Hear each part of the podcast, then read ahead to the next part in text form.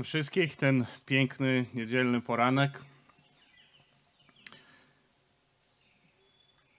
Coś mi się wydaje, że pierwszy kościół miał nabożeństwa bardzo podobne do tego, jak teraz się tutaj e, spotykamy. To jest bardziej naturalne, otwarte, świeże powietrze, otwarta przestrzeń. E, to, co chciałem, żebyśmy dzisiaj rozważyli, to jest e, jeden fragment z listu apostoła Pawła do Filipian. E, Zanim otworzymy ten list, e, chciałem też powiedzieć, że głównie ten list jest znany z tego, że jest to list o radości. Wszyscy tak to nazywają, że to jest list, który opisuje taką doskonałą, ponadnaturalną radość. I jest to prawda, ale ten list też ma wiele innych bardzo ważnych tematów. I to, co prowadzi do tej radości, to jest suma tych wszystkich rzeczy. Więc to, o czym chciałem dzisiaj e, podzielić się z Wami, to jest to, e, jaki jest jeden z tych ważnych tematów, który jest przedstawiony w liście do Filipian i czym jest miara duchowej dojrzałości. Tematem jest duchowa dojrzałość i jak możemy stwierdzić, czy ktoś i czy my sami jesteśmy duchowo dojrzali i czy my wzrastamy duchowo.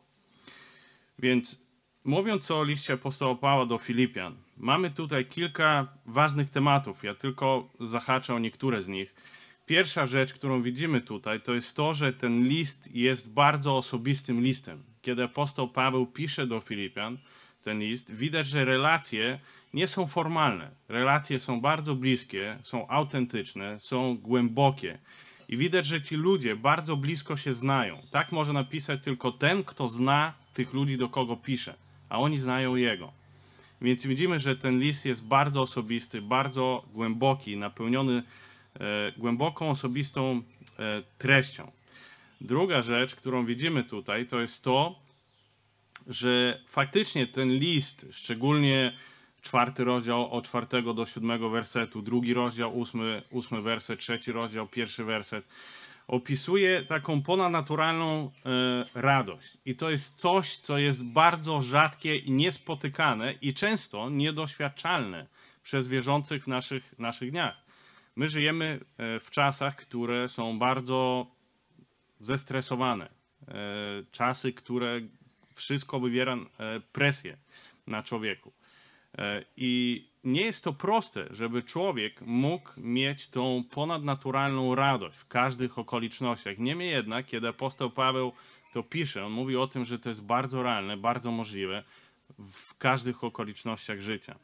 Druga rzecz, którą widzimy, to jest to, że trzecią rzecz, mm, to jest to, że ten list jest absolutnie przesiąknięty Ewangelią o Jezusie Chrystusie. I, i, I, cała masa wersetów, które o tym, o tym mówią. E, nawet z początku, pierwszy rozdział, piąty werset, za społeczność waszą Ewangelii od pierwszego dnia aż dotąd. E, I bardzo dużo wersetów, które to mówią.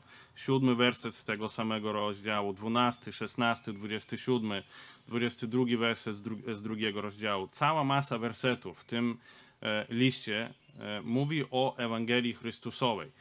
I Ewangelia, która nie jest tylko potrzebna do tego, żeby człowiek był zbawiony, ale żeby człowiek mógł przeżyć każdą chwilę w tym życiu. Często ludzie właśnie tak odbierają Ewangelię jak coś, co jest potrzebne, żeby człowiek był zbawiony. Ale nie myślą o Ewangelii jako o czymś, czym człowiek żyje każdego dnia. E, dalej, to co widzimy, to jest to, że ten list e, wskazuje na fundamentalne doktryny o zbawieniu i suwerenności Bożej. Na przykład e, pierwszy rozdział, szósty werset. Mając tę pewność, że ten, który rozpoczął was dobre dzieło, będzie je też pełnił aż do dnia Chrystusa Jezusa.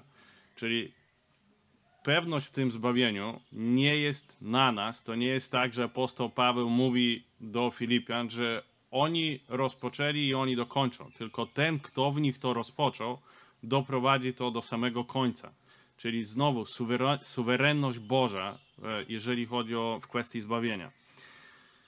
I teraz e, ten list też mówi o duchowej dojrzałości. Kiedy apostoł Paweł pisze ten list, kiedy apostoł Paweł modli się o ludzi e, w tym zborze, on modli się o ich duchową dojrzałość, o ich duchowy wzrost. I teraz myśląc o tym, kim jest ten człowiek, który jest duchowo dojrzały? Albo jak możemy stwierdzić, że ktoś duchowo wzrasta? Mówiąc prostym językiem, jeżeli patrzymy na jakiś owoc, dajmy na to jabłko, dowolny owoc, więc e, jeżeli jabłko jest małe, zielone, e, to każdy człowiek wie, że jest, jest to niedojrzały owoc. Dlaczego? Dlatego, że każdy z nas widział, jak wygląda dojrzałe jabłko, tak? Więc porównując dojrzałe do niedojrzałego, wiemy, że to jabłko jeszcze ma pewien, pewien czas, żeby e, dojrzewać. I, ale jak jest naszym duchowym dojrzewaniem? Co jest tą miarą e, takiego du, du, duchowego dojrzewania? I teraz, jeżeli otworzymy list do Efezjan, e, czwarty rozdział, 15 werset, tam są zapisane takie słowa lecz abyśmy, będąc szczerymi w miłości, wzrastali pod każdym względem w Niego, który jest głową w Chrystusa. Człowiek, który duchowo dojrzeła, to jest ten człowiek, który w swoim życiu, w swoim codziennym, praktycznym postępowaniu upodabnia się Chrystusowi. Człowiek, który jest duchowo dojrzały, to jest człowiek, który najbardziej w swoim życiu jest w stanie pokazać charakter Jezusa Chrystusa, jego osobowość to jest człowiek, który w swoim życiu ma miłość do Boga i do ludzi. Tak samo jak tą miłość do Boga Ojca i do ludzi miał Jezus Chrystus.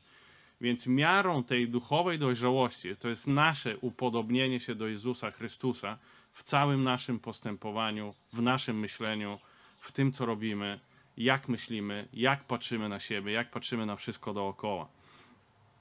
I ciekawe jest to, że tutaj jest mowa o tym, że on jest głową, a Kościół jest ciałem. Ciekawostka jest taka, że kiedy się rodzi dziecko, to głowa jest nieproporcjonalnie duża w stosunku do, do ciała. Czyli głowa jest większa. I teraz, kiedy człowiek dorasta, to tak, tak naprawdę ciało zaczyna doganiać głowę, jeżeli chodzi o rozmiar. Więc e, tutaj widzimy, że ciało, e, kiedy wzrasta, e, upodabnia się rozmiarem do, do tej głowy.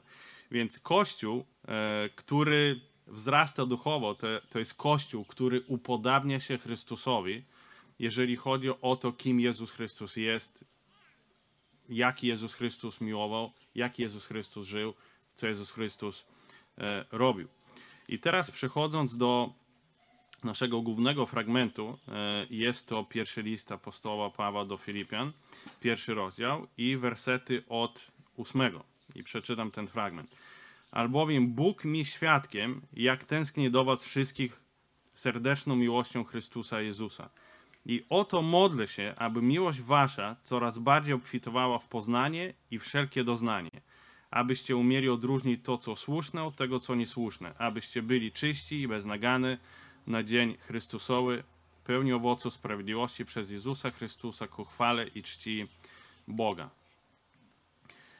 To, co widzimy tutaj, to jest modlitwa apostoła Pawła o duchowy wzrost e, ludzi w zborze Filipi. I podobnie do tego, jak było napisane w tym wersecie z Efezjan i też tutaj, widzimy, że tą miarą duchowej dojrzałości jest miłość. W jednym wersecie, w drugim wersecie pojawia się słowo miłość. Ciekawe jest to, że to słowo miłość, które tutaj jest użyte, to jest greckie słowo agape. Więc miłość, patrząc na całość Biblii, odgrywa fundamentalną rolę. Cała Biblia jest przesiąknięta miłością. I chcę wymienić kilka rzeczy, które są ważne, dlatego że one otwierają drzwi do naszego zrozumienia tego, co mówi apostoł Paweł do Filipian. Pierwsze, jeżeli pamiętacie, co jest napisane e, w pierwszym liście Jana, czwarty rozdział, ósmy werset. Kto nie miłuje, nie zna Boga, gdyż Bóg jest miłością. Czyli miłość, agape, opisuje Boży charakter. Jest cechą Boga, jest cechą Jego, jego osobowości. Dalej. Miłość jest tym, czego Bóg najbardziej oczekuje, jeżeli chodzi o nasze relacje z Nim. Ewangelia Marka, 12 rozdział, wersetu 29 i 30. Tam jest napisane to, że największym przekazaniem, które Bóg zostawił człowiekowi, jest to, żebyśmy miłowali Go całym sercem, z całej duszy, z całej siły. Dalej, to co widzimy, to jest to, że Miłość jest tym, i to jest znowu słowo agape, co powinno charakteryzować nasze wzajemne relacje, jeżeli chodzi o ludzi wierzących. Nowe przekazanie daję wam, abyście się wzajemnie miłowali. Jak ja was umiłowałem, abyście się i wy, i wy wzajemnie miłowali. Po, po tym wszyscy poznają, żeście uczniami moimi, jeśli miłość wzajemną mieć będziecie. Ewangelia Jana 13 rozdział 34, 35 wersety. E, dalej. Miłość jest siłą i motywacją do odkupienia grzesznej ludzkości. Kiedy Bóg odkupił świat, miłość była tym, co było jego motywacją. List do Rzymian, 5 rozdział, 8 werset. Bóg zaś daje dowód swojej miłości ku nam przez to, że kiedy byliśmy jeszcze grzesznikami, Chrystus za nas umarł. Ewangelia Jana, 15 rozdział, 13 werset. Większej miłości nikt nie ma na tę, jak gdy kto życie swoje kładzie za przyjaciół swoich. Nie tylko miłość jest motywacją do odkupienia, ale miłość Boża do nas jest tym, co trzyma odkupionych ludzi w nieroz, nierozerwalnej więzi z Jezusem Chrystusem. Albowiem jestem tego pewien, że ani śmierć, ani życie, ani aniołowie, ani potęgi niebieskie, ani teraźniejszość, ani przyszłość, ani moce, ani wysokość, ani głębokość, ani żadne inne stworzenie nie zdoła nas odłączyć od miłości Bożej, która jest w Chrystusie Jezusie Panu naszym. List do Rzymian 8 rozdział 38-39 wersety.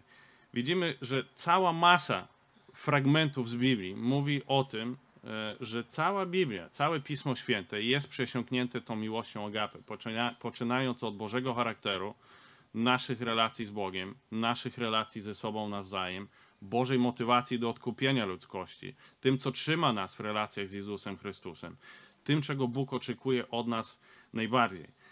I tutaj widzimy, że apostoł Paweł, kiedy on pro, modli się o duchowy wzrost ludzi w zborze Filipi, modli się dokładnie o to. I modli się, aby miłość wasza coraz bardziej obfitowała w poznanie i wszelkie doznanie. I używa słowa agape. Mamy tutaj opisane dwa przejawy tej miłości, czyli apostoł Paweł modli się o dwa przejawy tej miłości: poznanie i doznanie. To słowo doznanie jest dosyć niefortunnie przetłumaczone, e, moim zdaniem, w Biblii Warszawskiej, i zaraz dojdziemy do tego, jak lepiej e, zinterpretować to słowo. Ale zacznijmy od pierwszego słowa, ten pierwszy przejaw e, miłości, o którym mówi apostoł Paweł poznanie. I to jest e, greckie słowo gnozis, czyli wiedza albo epignosei w tej sytuacji. To jest ogólnie poznanie, e, obserwacji, rozpoznanie obiektów znajdujących się w zasięgu naszych zmysłów. To jest to, kiedy my coś rozumiemy. I bardzo dużo jest znaczeń tego słowa, ale generalnie chodzi o nasze intelektualne postrzeganie, zrozumienie czegoś w naszym otoczeniu to może się dziać na różne sposoby. Może być poprzez e, doświadczenie, czyli na przykład e, małe dziecko, które dorasta, kiedy wie, że coś jest gorące wtedy, kiedy dotknęło, tak? albo zimne, kiedy dotknęło. Poznajemy rzeczy poprzez jakieś zdobyte doświadczenie, a dalej poznajemy inne rzeczy poprzez kontrast do tych rzeczy, które już wiemy. Czyli my cały czas porównujemy, że to jest inne albo to jest podobne. I ta wiedza, ona jest właśnie, właśnie taka, tak? To jest to, o czym e, pisze tutaj apostoł Paweł, to jest to. I ciekawe jest to, że w naszej kultu kulturze jaki organ odpowiada za, za wiedzę, za poznanie? Mózg. Ale jeżeli spojrzymy na, na kulturę hebrajską, tak nie jest. E, przeczytam jeden fragment z e, Izajasza, 6 rozdział, 10 werset. Znieczul serce tego ludu i dotknij jego uszy głuchotą, a jego oczy ślepotą, aby nie widział swoimi oczyma i nie słyszał swoimi uszyma i nie rozumiał swoim sercem, żeby się nie nawrócił i nie ozdrowiał. Ciekawe jest to, że tutaj to słowo rozumienie jest połączone z sercem, aby nie zrozumiał sercem. Teraz znowu w kulturze hebrajskiej też czytamy to e, w Biblii, relacje intymne pomiędzy mężem a żoną są opisane tym samym, samym słowem, że mąż poznał żonę. Dlatego, że w kulturze hebrajskiej to poznanie dotyczy całości człowieka. To nie jest tylko umysł, to nie jest tylko mózg, który odpowiada za to, ale cały człowiek odpowiada za, za poznanie, całość człowieka. Jeszcze jest jeden ciekawy fragment też, który chcę e, przeczytać. To jest e, też z Izajasza, pierwszy rozdział, trzeci werset. Wół zna swojego właściciela, a osioł żłób swego pana, lecz Izrael nie ma rozeznania, mój lud niczego nie rozumie. Czy to jest tak, że naród izraelski nie znał Boga, nie wiedział, kim Bóg jest? Nie jest tak. Naród izraelski znał Boga, wiedział, jaki Bóg jest, kim Bóg jest i miał doświadczenie w relacji z Nim. Ale o czym tu jest mowa? Że ich problemem było to, że słyszeli o Bogu, w jakiś sposób doświadczali Boga, posiadali informacje o Nim, ale ta wiedza i informacja o Bogu nie prowadziła do tego, że byli Mu posłuszni w miłości. Więc to poznanie, o którym pisze apostoł Paweł, cała idea tego poznania polega na tym, że to nie jest tylko kwestia przyswajania informacji, ale to jest, to jest kwestia tego, żebyśmy byli posłuszni temu, co mówi Biblia. Poznanie polega na tym, że my coś się dowiadujemy, ale dalej musimy postąpić zgodnie z tym, co jest nam przekazane. Zawsze musi być jakieś praktyczne działanie, które wynika z tego, z tego poznania. Pamiętacie fragment z Biblii, który też opisuje człowieka, który spojrzał na siebie w lustrze, odszedł i zapomniał, jaki jest. To jest właśnie zły przykład tego. Poznanie polega na tym, że Biblia pokazuje nam coś, opisuje nas, albo opisuje świat dookoła nas. Ale to poznanie wymaga od nas jakiegoś konkretnego działania. Więc kiedy apostoł Paweł też mówi o tym e, w modlitwie do Filipian, on dokładnie mówi, że, że ta miłość agape wpływa na to poznanie, ale poznanie z kolei wymaga od człowieka konkretnych działań. I dalej, e, ten, ten wyraz doznanie, które tutaj jest przetłumaczone jako doznanie. Doznanie nam się kojarzy, przynajmniej mi, z czymś, co jest bardzo emocjonalne więc e, coś, co jest e, antyintelektualne, tylko bardzo emocjonalne. Ale to słowo, które tutaj jest użyte, jest niesamowicie, niesamowicie ciekawe. W Nowym, w ogóle w Biblii jest użyte tylko raz. E, jest tylko jeden raz użyte dane słowo, tutaj. Ale mm, to słowo jest dobrze znane i ma wiele ciekawych znaczeń w kulturze hebrajskiej. Po pierwsze, dosłownie oznacza możliwość do rozróżnienia. Lepszym może tłumaczeniem było rozeznanie. Nie doznanie, tylko rozeznanie.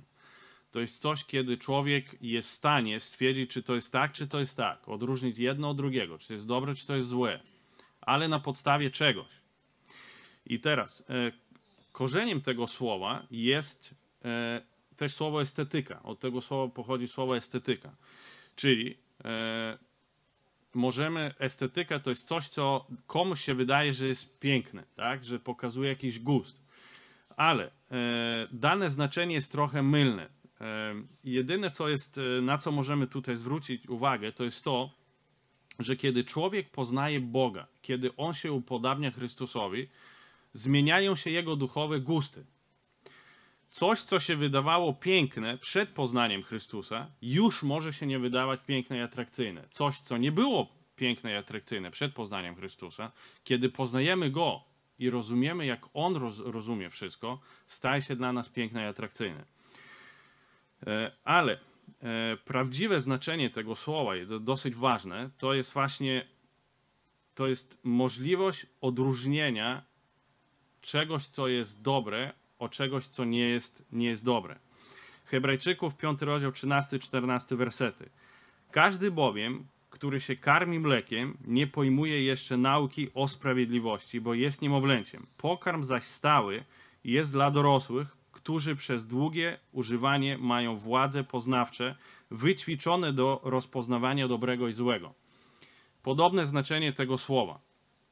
To jest człowiek, który w swoim duchowym rozwoju tak się upodabnia do Jezusa Chrystusa, że patrząc na siebie, na innych ludzi, na okoliczności dookoła, jest w stanie rozpoznać coś, coś, co jest właściwe, a co nie jest właściwe, co jest dobre, co nie jest dobre. Jest w stanie ocenić sytuację w duchowo dojrzały sposób, ale będąc zainspirowanym tą miłością agapę. O tym cały czas tu jest mowa, żeby miłość wasza, agapę, coraz bardziej obfitowała w poznanie i wszelkie, i wszelkie doznanie. Bardzo dobry przykład zastosowania tego w praktyce jest zapisany w Ewangelii Jana 8 rozdział e, od trzeciego wersetu. Pamiętacie tą historię, kiedy uczeni w piśmie i faryzeusze przyprowadzili kobietę, która była przełapana na cudzołóstwie. I chcieli przyłapać Jezusa Chrystusa i mówili, posłuchaj, Mojżesz w swoim zakonie powiedział nam, ludzi w takiej sytuacji, zabijać kamieniami przez ukamieniowanie. Ty co powiesz? I to jest właśnie to. Miłość agape tak wpływa na naszą ocenę sytuacji, że my zaczynamy widzieć tą sytuację inaczej niż widzi przeciętny człowiek. Co widzieli uczeni w piśmie i faryzeusze? Widzieli kobietę, która zgrzeszyła, popełniła grzech. Kobietę, która według zakonu zasługiwała na śmierć. Gdyby oni to zrobili, czy by popełnili grzech? Nie, dlatego że tak jest napisane. Ale Jezus Chrystus i Jego działanie w tej sytuacji pokazuje właśnie to rozeznanie i tą mądrość, która jest zainspirowana miłością Agapy. Jezus Chrystus patrzy na tą kobietę i On widzi w, niej duszę, którą można uratować. Można zabić kogoś za to, że popełnił grzech. I to by chętnie zrobili uczeni w piśmie faryzeusze. Ale Jezus Chrystus, będąc zainspirowanym tą miłością agapę, będąc tą miłością agapę de facto, on widzi możliwość uratować człowieka. Widzi możliwość uratować duszę. I on postępuje zupełnie inaczej. Czy Jezus Chrystus w tej sytuacji powiedział, że grzech nie ma znaczenia? Że on ignoruje grzech? Nie. On wie, że grzech doprowadził tą kobietę do tego stanu, w którym jest. On wie, że grzech ją zniewolił. On wie, że grzech niszczy jej życie.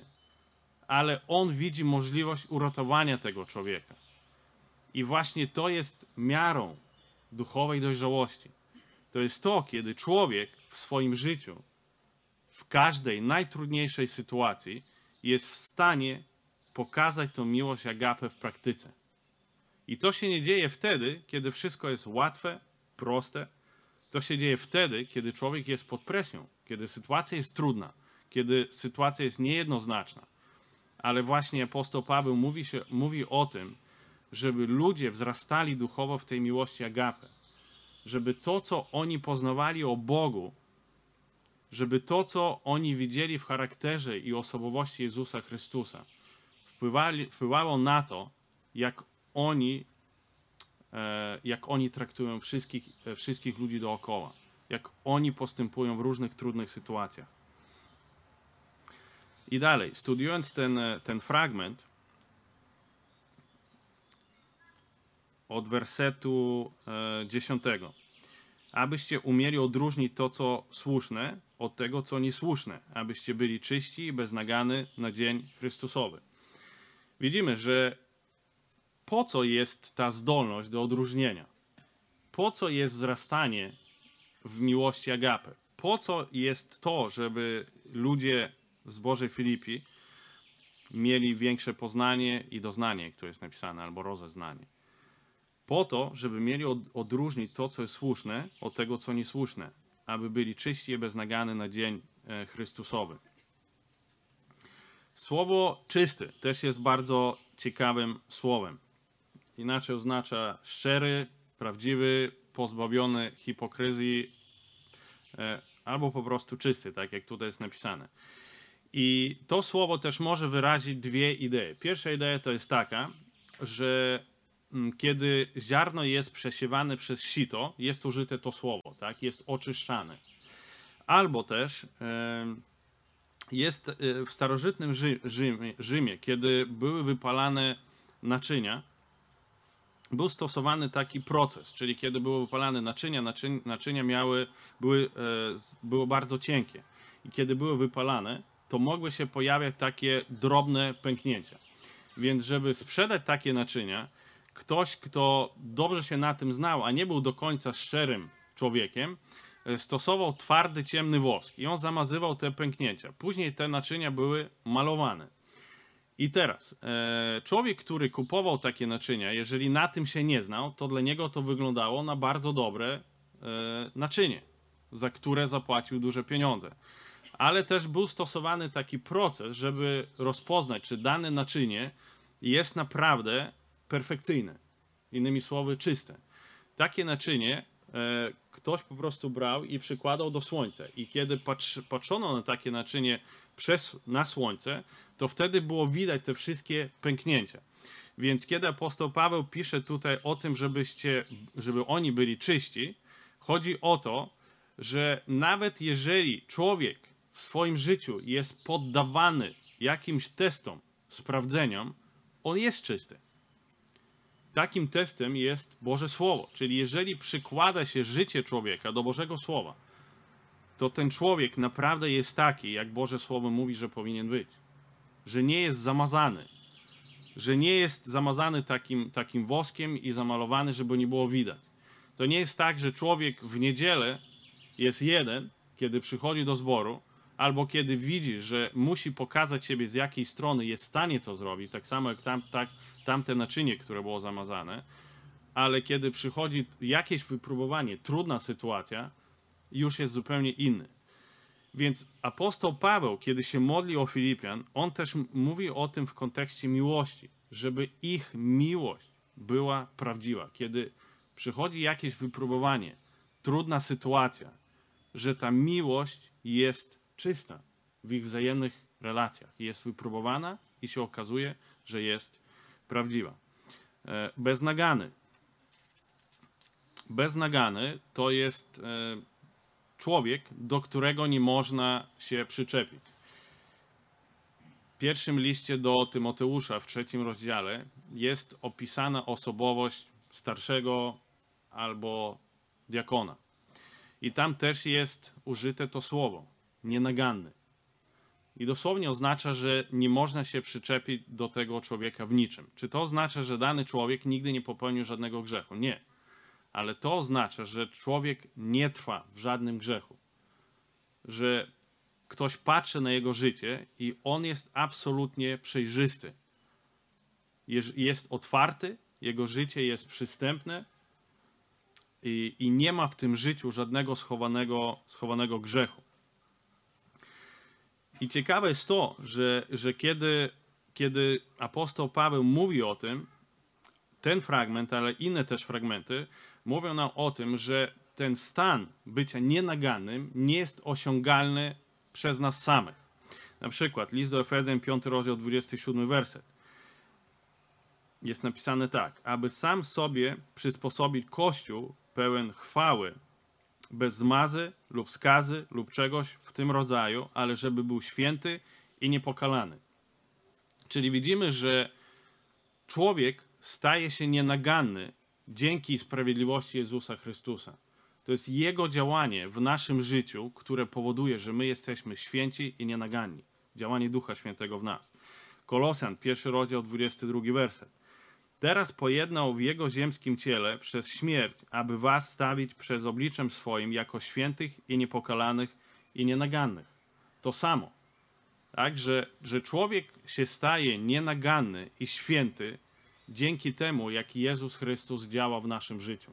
Dzięki temu, że On jest święty i On jest doskonały i On jest nienaganny.